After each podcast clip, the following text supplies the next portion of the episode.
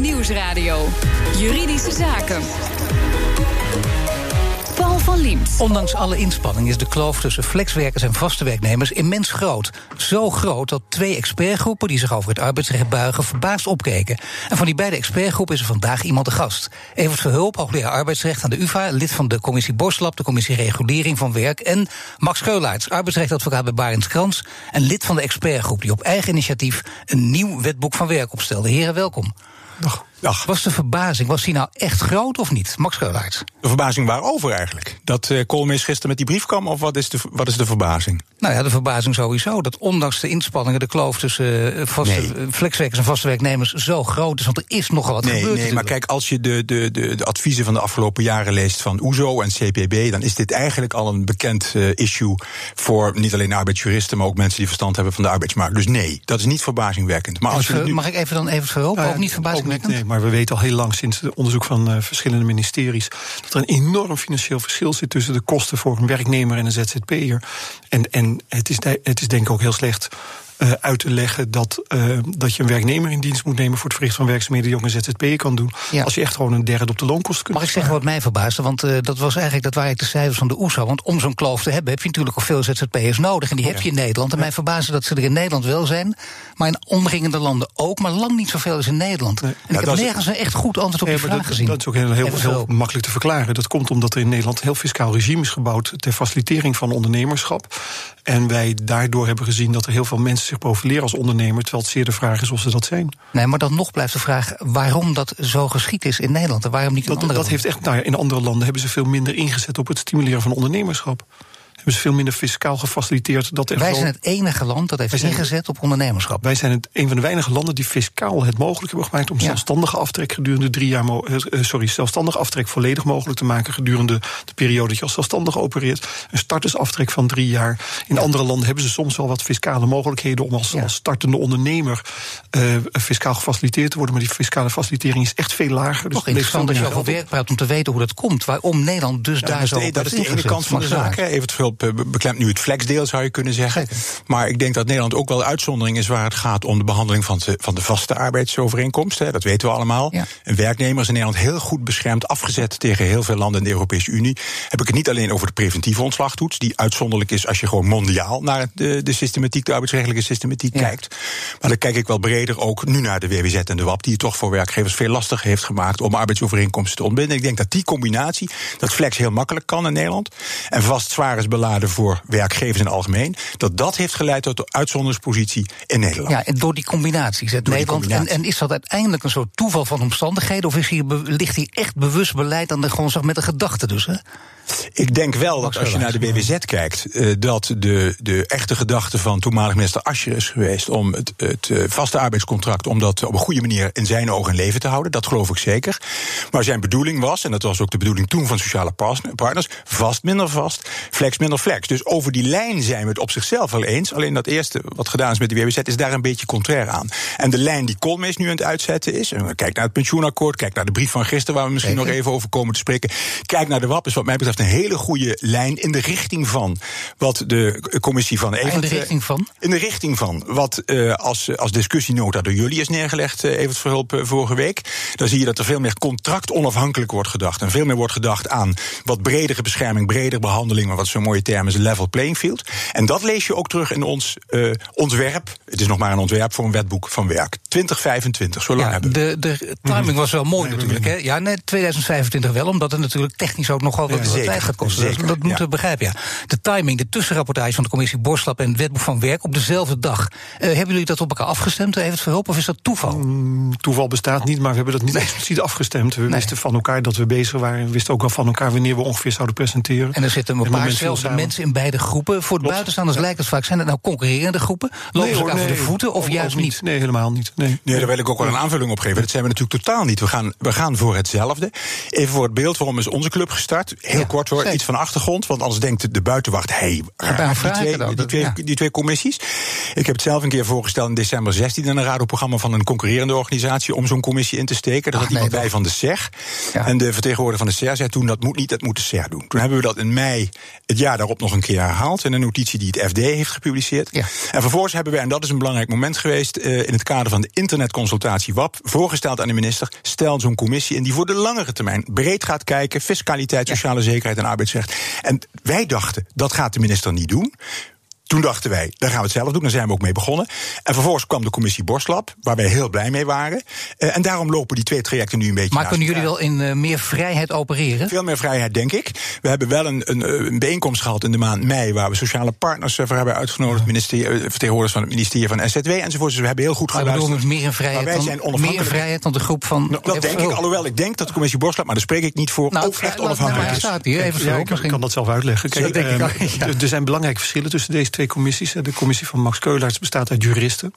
Um, waar wij ook economen hebben. En dat maakt, dat maakt verschil. Ja. Um, en ik denk ook dat dat die brede opzet.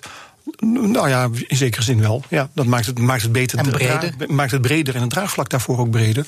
Um, de arbeidsmarkt is natuurlijk niet alleen maar een juridische discussie, in tegendeel. Eh, de naam zegt het al, het gaat toch ook over een markt. En die moet je ook voor een deel economisch inrichten, economisch relevant inrichten. Nou, daar hebben wij deskundigen voor die daar ook verstandige dingen over, uh, over melden in de commissie. En ik mag dus ook hopen dat ons rapport daar iets meer weerslag van biedt. Um, en, en, we hebben juristen die um, over het algemeen goed in het arbeidsrecht zijn of in het fiscaal recht. Zodat we ook dat element meenemen in de commissie van Max mist denk ik ook een fiscalist. De, dat is absoluut waar. Maar we hebben natuurlijk economen en fiscalisten gehoord. En uh, we hebben natuurlijk van onze groep maakt deel Ton Wildhagen. bekende ook leraar op het terrein van arbeidsmarkt. Saskia Klossen, die ook van, van de, van de commissie Borslap deel maakt. Een echt deskundige op het terrein van sociaal zekerheidsrecht. Dus dat is breed, maar laten we niet in een competitie gaan. Het is fantastisch dat die commissie Borslap er is gekomen. En wij vullen elkaar aan. En dat hebben we ook ervaren ja. in het gesprek met de commissie Nou ja, het gaat niet om de competitie, maar het is wel interessant om te weten. Omdat nu ja. veel mensen mee kijken zijn. Het lijkt nu een doorbraak gaan. Dus dan willen we toch even alleen voor de geschiedenis al weten wat er aan de hand is. Ja. Kunnen jullie wel degelijk dus een vrijheid meer opereren? Even voor hulp. Want ben je toch meer, zijn jullie meer als commissie met handen en voeten gebonden? We zijn nergens aan gebonden. Hè. We hebben een, een, hele vrije opdracht van de minister ja. gehad. Nee, maar goed, dat Keulaert zelfs denkt dat het niet zo is. Nee, nou, dat heeft hij niet gezegd. Dat dat gezegd jij denkt dat jullie veel meer in vrijheid kunnen dat. Wij nog dat hoorde ik. Ik heb ook gezegd, de commissie Boslap is echt onafhankelijk. En dat is ook ja, wel gebleken de vorige week. Ja. ja. Nee, dus wij, wij, ervaren niet dat wij gestuurd worden door het ministerie. Dat is ook echt niet zo. Ja. Zijn er verrassende uitkomsten dan gekomen? Althans ook voor het ministerie? Ja, wat, wat ik denk, dat, dat weet ik nog niet. Hè, want we hebben vorige week pas een tussenrapportage... Zeker. die alleen maar tot, tot, tot discussie zou moeten leiden, ja. gepresenteerd. En de, die discussie heeft nog niet, niet echt goed plaatsgevonden. Nee, maar die gaat er wel komen. Ik bedoel, als je, dat, mag je, dat, dat zou gek zijn na, na alle publiciteit. Nu, hè, dat, dat we ja. ook hopen dat iedereen die hier iets over te zeggen heeft... Uh, zich wel meldt bij de commissie. Dat kan via de website. En dan hopen we gewoon op heel veel reacties. En dan kunnen we ook kijken waar het draagvlak nou precies gevonden kan worden. Want wij kunnen in onze wijsheid in de studeerkamer... hele briljante dingen verzinnen. Daar zijn we echt heel goed toe in staat. Op het moment dat dat niet gedragen wordt door de samenleving, nee. heb je er nog niks aan. Nee, natuurlijk. En waar, waar, zal vooral, waar zal het vooral over gaan? Ja, het gaat over, over, verschillende dingen, maar heel belangrijk is toch, het, Max Keulaert zei het al, het verschil tussen de behandeling van werknemers in vaste dienst en de, de ZZP'ers en andere groepen werkenden. Uh, terwijl daar objectief gezien eigenlijk helemaal geen rechtvaardiging voor is. Um, dat, dat, is een heel belangrijk punt. Een heel belangrijk punt is ook dat we constateren dat heel veel mensen uh, buiten de bescherming rondlopen waarvan wij wel vinden dat ze die nodig zouden hebben. Maar is de herziening dan vooral nodig voor de zwakkeren op de arbeidsmarkt? Nee, nee, nee het gaat natuurlijk ook gewoon over het faciliteren van, van uh, het proces arbeid. Nee, dat weet ik ook. Maar dus niet vooral, want dat, dat beeld kan er wel ontstaan. Ik nou, denk, we doen het vooral nee, voor de zwakken op de arbeidsmarkt. Met name voor de ZZP'er die, die het niet kan rooien. Ik, ik, ik verzet mij tegen het gedachte dat er maar één probleem zou zijn. En dat is dus de zielige ZZP'er. Die is er. De minister heeft gisteren een brief uiteengezet dat het ongeveer 9% op de, van de ZZP'ers is. Die, die moeten misschien wel bescherming hebben of extra bescherming. Maar dat is niet het, de kern van het probleem. De kern van het probleem nee, is. maar dat is zeker belangrijk om dat even te zeggen. Maar en inderdaad, dat percentage 9%, goed dat het ook een keer genoemd wordt. Ja, dat vind ik heel Want goed. heel veel mensen hier ook dus de helft. Zes keer, zo, zes keer zoveel ja, werkenden die uh, ZZP werkend zijn, ja. uh, zitten onder de armoedegrens. En dat is, ja. dat is aanzienlijk meer onder werknemers. En ik wil er toch een aanvullend wel iets op, op zeggen. Leidmotief voor ons, onze club is wel degelijk geweest. De kloof, de tweedeling op de arbeidsmarkt. Waarbij het natuurlijk niet alleen gaat om de onderkant ZZP'er. Het is natuurlijk veel breder dan dat. Um, maar inderdaad, die tweedeling die is al lange tijd geleden geconstateerd. De OESO, CPB heeft dat, ik herhaal dat toch maar een keer expres ook al geconstateerd. Ja. Dat is wel leidmotief. En wat ik mooi vind, is dat de kop van het FD vorige week vrijdag was. We zitten in de buurt van het FD. Alarm, hè, dus dat commissie Borslap slaat alarm waar het gaat om de arbeidsmarktproblematiek. En gisteravond sprak ik een leek op dit punt en die zei: Het is fijn dat nu iedereen wakker geworden is. Dus we gaan aan de slag. Een leek? Is het idee. Een leek, ja. Zo, welke leek? We weten welke leek Nou ja. dat was. Die, slaat de spijk op de kop. Een leek in, in mijn omgeving waarvan ik de naam niet noem. Maar het is nou zo leuk omdat het een, een leek is die verder ook geen bekendheid wil genieten op dit onderwerp. Maar als ik daar inzak bij deze leek, dan, dan wordt het dus breed gedragen. En dat is een goede zaak. Ja. Dan, eh, je hebt er al een paar keer over ge- gehad, over de brief van Koolmees. Ja. Want het komt allemaal nu gelijktijdig. En dat is ook heel goed. Ja. Ik bedoel, dat- betekent dat het heel warm blijft. ik, maar ik citeer. Niet. Nee, Oh, nee, dat is sorry, dat is helemaal. De vraag is of het zo goed is. Hè. Kijk, de wet Oh, arbeidsmarkt in balans was natuurlijk al een lastige. Even Ehm, eh, we hebben in 2015 de WWZ gehad, de wet werk en zekerheid, die toch een majeure verandering in het arbeidsrecht teweeg heeft gebracht. Zonder dat geëvalueerd is wat de effecten daar nou van zijn op de arbeidsmarkt, komt er alweer een wet arbeidsmarkt in balans. Waarvan we eigenlijk ook nog niet weten wat de effecten zijn. We weten ook niet welke. Eh, eff- eh, gevolgen van de WWZ deze wet nou precies ongedaan maakt en organiseert. Dus we weten eigenlijk helemaal niet waarom die wetgeving er precies is. En ondertussen is er nu alweer in het kader van de ZZP-discussie zijn een paar stappen gezet die eigenlijk toch tamelijk ongericht zijn. Nou wil ik niet flauw zijn, het, het, het is misschien heel goed dat de minister een beetje ingrijpt. Maar het is wel gek om dat zo ongericht te doen. En Max Keulen Ja, ja, eh, kijk, de, minister heeft, de minister van Sociale Zaken heeft natuurlijk geen advocaat nodig, maar nu krijgt hij hem toch even gratis. Ik ben het niet eens met Evert Verhulp. Kijk, het, het, wat de minister heeft gedaan is eigenlijk een traject uitgezet van verschillende stappen. En ik laat het pensioenakkoord laat ik voor wat het is, want dat loopt al negen Ja. jaar, dat laat ik los. Ja. Maar de WAP is een eerste stap geweest. Eh, de, de tweede stap, die moet worden gemaakt van Tweede en Eerste Kamer. Er is urgentie opgezet, er zijn ook moties ingediend, eh, zowel in de Tweede als de Eerste Kamer. Is, doe nu iets aan de ZZP-problematiek. En de commissie Borslap eh, is ingesteld om een advies te geven, is mijn perceptie, voor de wat langere termijn. En mijn inschatting is, daarom noemen wij het ook Wetboek van Werk 2025, dat als het gaat om dat soort grote operaties, dat is aan een volgend kabinet. En mijn opvatting is, en dat staat dan haaks op die van Evert eh, Verhulp, en dat is fijn, we hebben een leuk programma ook, dat de minister met deze brief een hele goede stap heeft gemaakt. Is het de perfecte? Nee. Nou, We zijn heel goed als jurist om daar weer commentaar op te leveren. Maar het mooie van die brief is, en misschien mag ik dat dan citeren, omdat dat zo mooi in lijn is met de commissie waar Evert Verhulp eh, lid van is, eh, zal ik maar zeggen. Hij schrijft in, in, in die brief over de discussienota die Het programma was al leuk, maar nu wordt het helemaal Ja. leuk. Nou, ga het even zeggen. Dan gaan we na de reclame ja. door, maar zeg het even. Hij schrijft in die brief, en dat citeer ik dan vlak voor de reclame... deze denkrichtingen van de commissie Borslap dus...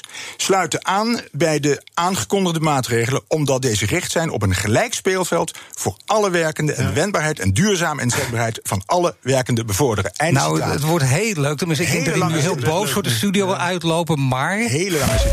straks zien we Evert Verhulp die, die terug gaat slaan... maar wel met een glimlach op het gezicht. BNR Nieuwsradio. BNR Juridische Zaken.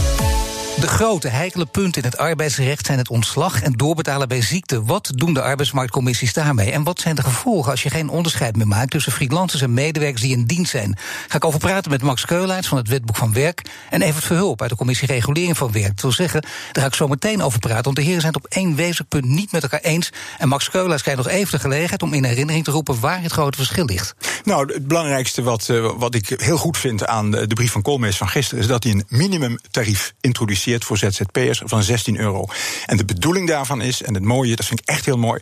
dat ook de voorzitter van de autoriteit eh, eh, Consument en Markt zich daarvoor heeft ingezet. De bedoeling daarvoor is te voorkomen dat werkende armen... dat die groep uitbreidt, maar kleiner wordt. En eh, dat is toch een groot verschil met Evert Verhulp. Nee hoor, op dit punt eh, vind ik de, de, de brief ook goed. Ik vind het idee goed. Ik vind de uitvoering buitengewoon complex en lastig. Maar- Dus ik zie allerhande problemen. Mijn eh, onvrede over het plan van Koolmees, zoals dat gisteren is gepresenteerd, richt zich met name op de bovencategorie van de ZZP'er.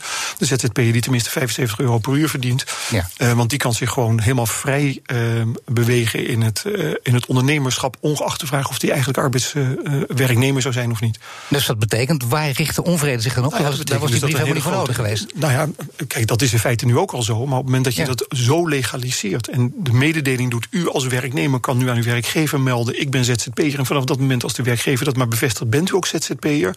Hetgeen betekent dat u de zelfstandige aftrek en de startersaftrek krijgt. Hetgeen betekent dat u geen premies meer hoeft af te dragen... voor de Ja. sociale zekerheid en buiten de pensioenfonds... en andere cao-regelingen valt. Nou, dan weet je dat de netto-incentive waanzinnig is voor een werknemer om dat te doen. Je weet dat voor de werkgever ook nog wel wat te verdienen valt... want werkgeverslasten dalen.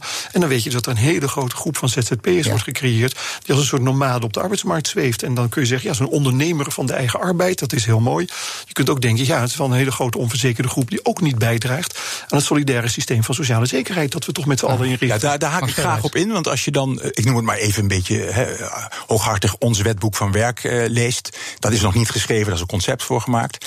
dan zie je dat wij daarvoor pleiten om te introduceren het begrip werkende. Die term kom je overigens ook tegen in de brief van Koolmees. Uh, en dat, dat vullen we zodanig in, ik ga niet de techniek nu in, dat voor een aantal uh, beschermende maatregelen er geen onderscheid meer is tussen verschillende werkenden. En ons idee is, en dat geldt dus ook voor deze veelverdieners, ZZP'ers, ons idee is dat daar sociale zekerheid ook voor gaat gelden. En dat de fiscaliteit, dus daar lopen Evert en ik gewoon, Evert Verhulp en ik gewoon op, op één punt echt samen uh, gelijk op.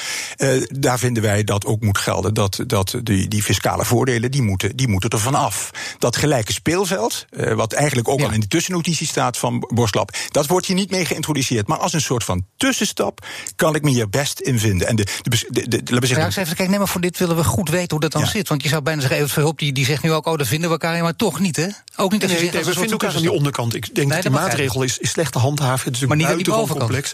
En, en in de bovenkant vinden we elkaar kennelijk toch ook. Uh, maar, maar de bovenkant vind ik zo belangrijk dat dat mij ontevreden maakt over het plan Koolmees, om het zo maar te zeggen. In de bovenkant speelt dat die werknemersgroep boven 75, sorry, de, de mensen boven de 75 ja. euro per uur, zich gewoon niet meer als werknemer hoeven te uh, profileren, voor de fiscus niet meer als werknemer worden beschouwd, terwijl ze het juridisch wel zijn. Hè? Ja. En, en, de consequentie nou ja. daarvan is dus ja, dat ze gewoon fiscaal ontzettend voordelig worden behandeld. Ja, en dus eens, ja, en dan, als je dan de basisgedachte ziet van het wetboek van werk, en ik ben ontzettend benieuwd wat de commissie Borslap op dat terrein gaat, gaat adviseren eind dit jaar, dan zeggen wij dat onderscheid tussen werkenden, dat moet je een belangrijk deel moet je dat laten wegvallen. Dus een arbeidsongeschiktheidsvoorziening voor iedereen, fiscale gelijkheid uh, geldt dan uiteraard voor iedereen, enzovoort, enzovoort, enzovoort. En dat zou dus een volgende stap kunnen zijn die een volgend kabinet uh, zou, zou, kunnen, zou kunnen maken. Ik zie dat misschien nu niet gebeuren, maar als deze kritiek wordt ontvangen op het ministerie, misschien ook weer wel. Ik ben het gewoon eens. Op dit punt. Is het denkbaar, even voorop, dat we over, over een paar jaar spreken over de werkenden, dat, dat het verschil echt uh, nou ja, wegvalt? Je, je hebt geen freelancer, je hebt geen werknemer meer? Kijk, uiteindelijk, uiteindelijk zul je altijd ondernemers houden en die moet je ook hebben. En een ondernemer is denk ik geen werknemer en daartussen zit een belangrijk verschil. Um, wat ik echt lastig vind nu is dat je ziet dat verpleegkundigen die aan de operatietafel staan zich profileren als ondernemer. Nou, de vraag is gewoon ondernemer van wat? Hè? Uh, het is gewoon een werknemer die zich onttrekt aan de verplichtingen om uh, over ja, Het gaat over alle schijnconstructies ja, en daar maar, is genoeg maar, over gedaan. Maar, ik bedoel... nee, nee, maar, dat is wel essentieel. Zeker. Op het moment dat je nu als wetgever faciliteert dat die schijnconstructies eigenlijk alleen maar toenemen. En dat is wat er gebeurt door deze regeling in te introduceren voor die 75 euro plusser. Um, um, raak je natuurlijk heel snel aan het punt, zoals de OESO dat noemde, van het point of no return. Je kunt op een gegeven moment tegen die mensen die vaak ook om begrijpelijke redenen zeggen, maar dan word ik ZZP'er, kun je natuurlijk niet meer zeggen, en u hoort weer terug in het hokje van werknemer. Ja, dat lukt niet meer op een gegeven ja, moment. Daar zit, ik ben het echt eens met, met Evert Verhulp. Het is ook fijn dat we het eens zijn ja, met elkaar. Even echt, ja. uh, glimlach gewoon ook vriendelijk naar elkaar. Geweldig, maar hè? als je naar het even wetboek, een huk ook even als je naar het wetboek van werk kijkt, ja. dan, dan zeggen wij dus, hè, denk los van de contractvorm. Dat, is, dat is echt een belangrijk uitgangspunt. Denk los van de contractvorm. Denk alleen aan de vraag, waarom sluit je nu dit contract? Wat is daar de bedoeling van? En, en, en, en ga die verschillen die er zijn, ook een rechtsbescherming waar het gaat om de beëindiging van de arbeidsrelatie, ga die verschillen verminderen. Dat is onze insteek. En daar kun je natuurlijk heel veel vragen over stellen die we nu misschien maar niet beantwoorden. Maar dat zou dus echt op termijn een oplossing van dit probleem kunnen en zijn. hoe zit het bij de ondernemer die wel mensen in dienst heeft? Hè? Over twee, het verhaal over twee jaar doorbetalen bij ziekte. Is het in dit programma, daar hebben we het al heel vaak in dit programma over gehad. Vooral voor de MKB'ers is dat een strop. Ja, die mopperen is... daar heel vaak over. En heel begrijpelijk ook. Eh, moet daar ook nog iets aan gebeuren? Maar daar is iets aan gebeurd. In, uh, in december is er een akkoord gesloten tussen uh, werkgevend Nederland, MKB Nederland, VNO en de regering. Ja. Uh, waarin een ontzorgverzekering wordt afgesproken. De regering duwt daar ook nog, ik geloof, een half miljard euro in. Uh, juist om dat te faciliteren, waarmee, als het goed is, maar goed, werkgever Nederland heeft ermee ingestemd, dat probleem, die discussie eigenlijk opgelost nee, maar wacht even, eigenlijk opgelost. Het gaat er nu even concreet houden dus in. Je hebt vier mensen in dienst en twee daarvan uh, worden ziek. Ja, dan heb je dus en één terecht, misschien één onterecht, maar in ieder geval, je moet doorbetalen als ondernemer. Nee, nee, daar ben je tegen verzekerd, tegen aanvaardbare premies die de overheid ja. subsidieert. Dat is dan de gedachte. En die ontzorgverzekering die in overleg met MKB Nederland wordt ingericht op dit moment, hij is er nog niet. Zou dat probleem is een belangrijk Ja, maar dat is eigenlijk alleen maar een technisch, daar gaat het om. Ja, maar, het, nee, maar goed, het idee maar, is er, maar technisch is dit te doen. Ja, maar zal ik het antwoord geven dat, dat ons wetboek dan geeft hè, hierop? Ja, ik zeg niet dat dat de oplossing is van alles, uiteraard. Maar waar wij voor pleiten, en dat moet natuurlijk wel nog in de hoofden inzakken, dat is dat we uh, dingen die nu verbonden zijn aan de, aan de arbeids contract, dat we die overhevelen naar de sociale zekerheid. En ons voorstel wordt ervan uitgegaan, zes weken voor rekening van de werkverschaffer ziekte, ja. en daarna wordt het naar de sociale zekerheid getrokken. Uh, even voor het beeld, hè, de, de Algemene Arbeidsongeschiktheidwet, die wij jaren geleden hebben afgeschaft, je vraagt je nu af, waarom hebben we dat ooit gedaan? Wij pleiten er dus voor om die arbeidsovereenkomst minder te belasten en ook dat soort zekerheden over te hevelen nou, wacht even, naar ja, ZZP. Verhulp die zit ja, nee, maar ik daag, ik daag de heer Verhulp daar ook mee uit. Ja, dat mag wij weten uh, waarom de uh, sociale zekerheid geprivatiseerd is, de ziektewet bij de werkgever is neergelegd. Dat was omdat wij bijna 1 miljoen op een arbeidsberoepsbevolking van 6 miljoen, 1 miljoen ja. arbeidsongeschikten kregen. En dat kwam, ik zeg nu veel te kort door de bocht, omdat werkgevers dachten, nou ik betaal zes weken loon door, dat is verplicht. En daarna stroomt die werknemer af in de ziektewet en ben ik van een probleem af. En dat is heel fijn. En we, werkgever Nederland heeft op een moment gestuurd op de loondoorbetaling bij ziekte. Dat is geen werknemersidee, het is een werkgeversidee. En het is een werkgeversidee geworden omdat die premies voor de arbeidsongeschiktheid door werkgevers worden gedragen. Dat was vroeger ook zo. En bijna 25% van de loonsom bedroegen. Ja, de AOW-premie en ziektewetpremie waren krankzinnig. Je hebt er een aanvulling en nu, op? En nu, dan maakt het om een zin af. En nu zijn die kosten aanzienlijk gedaald. De premies zijn lager. De loondoorbetaling bij ziekte is gemiddeld. En dat is natuurlijk het probleem. Is gemiddeld ook verschrikkelijk laag.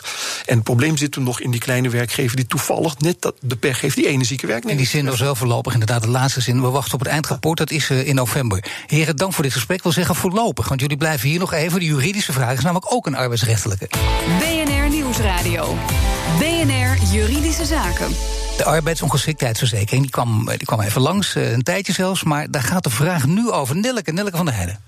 Ja, Paul, een ZZP'er die was eigenlijk net aan het uitzoeken hoe hij zich nou het beste kon verzekeren tegen zo'n uh, arbeidsongeschiktheid. En hij hoorde toen over dat, uh, over dat pensioenakkoord dat het verplicht wordt. Dus dan vraagt zich af: is het nou handig om inderdaad door te gaan met het zelf regelen? Of kan ik beter afwachten of er een collectieve regeling komt waar ik verplicht aan mee moet doen? Volgens mij toch een hele goede vraag. Waar veel mensen dan mee zullen zitten. Ja, nou, ook, uh, beginnen met Max Ja, kijk, het, het, ik geef een antwoord dat misschien voor de, de onderkant ZZP'er niet het gewenste antwoord is. Maar loop niet onverzekerd rond. Ga dus niet afwachten totdat het pensioenakkoord is vertaald in regelgeving, maar verzeker je nog vandaag. Ik geloof niet in die, in die broodfondsen enzovoorts. Ik realiseer me tegelijkertijd dat het voor heel veel ZZP'ers nou, waarom? Niet lastig is. Er zijn heel veel ZZP'ers die, die in die broodfondsen zitten. Dat weet ik wel, maar ik heb ook heel veel ZZP'ers gesproken die zeggen: dit broodfonds gaat grote problemen krijgen omdat we allemaal veel te oud aan het worden zijn in dat broodfonds. En dan krijg je natuurlijk een groot probleem. Nou ja, dan kun je dus denk ik, wacht nog even twee, drie jaar, dan zal dit uh, akkoord gesloten zijn. En dan is kijk, als het je moment het, om over te als je in het broodfonds zit en daar vertrouwen in hebt, dan heb je in ieder geval de time being het probleem mogelijkerwijs opgelost. Maar er lopen er heel veel onverzekerd rond en zijn ook niet aangesloten bij een broodfonds. En mijn antwoord daarop is: niet te doen, sluit die verzekering af. Dat is een duidelijk antwoord. Even verhulp, inderdaad niet doen, of misschien toch even wachten.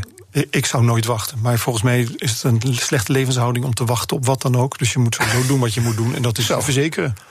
Maar ja. investeer je dan niet in iets wat je nee. vervolgens niet meer terugkrijgt? Maar het is een omslagstelsel, dus het is geen investering in een. Je betaalt een premie en op het moment dat een risico zich verwezenlijkt, krijg je een uitkering. En op het moment dat je dat weer opzegt, dan is er een andere faciliteit getroffen die dan publiek is geregeld. Daar betaal je dan je premie voor. Het is niet zo dat je een spaarpotje opbouwt dat je na een paar jaar arbeidsongeschiktheid ook net uit. Dus het is geen weggegooid geld, een verzekeringspremie. Je, je verzekert in verzekeringsrechtelijke termen een onzekere gebeurtenis. Ja. En die onzekere gebeurtenis is arbeidsongeschiktheid. En de meeste mensen denken: ik word het toch niet.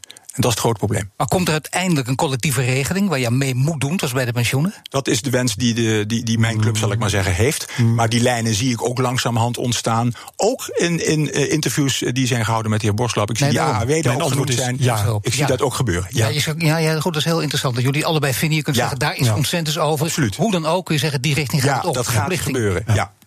Dus je kunt geen keuze meer maken, je kunt geen vrije vogel meer zijn. Je kunt heel, heel erg vrije vogel zijn, dan moet je echt ondernemen. En dan is de vraag ja. of je dan nog onder die regeling moet vallen. Dat weten we niet, maar dan praten we over echte ondernemers.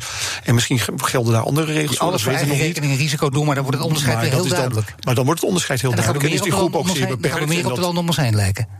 Precies. Okay. Precies. Als we het daarover hebben, België en Duitsland hebben een vergelijkbare regeling collectief. Uh, en, en, daar hebben wij ook sterk naar gekeken als, uh, als club. Hartelijk dank, heren. Max Keulaars, arbeidsrechtadvocaat bij Barends Krans. En Evert Verhulp, hoogleraar arbeidsrecht aan de UvA. Heeft u ook een juridische vraag? Mail hem naar juridischezaken.bnr.nl. En dit was de uitzending voor vandaag. U kunt de show terugluisteren via de site, de app, iTunes of Spotify. Mijn naam is Paul van Liemt. Tot de volgende zitting.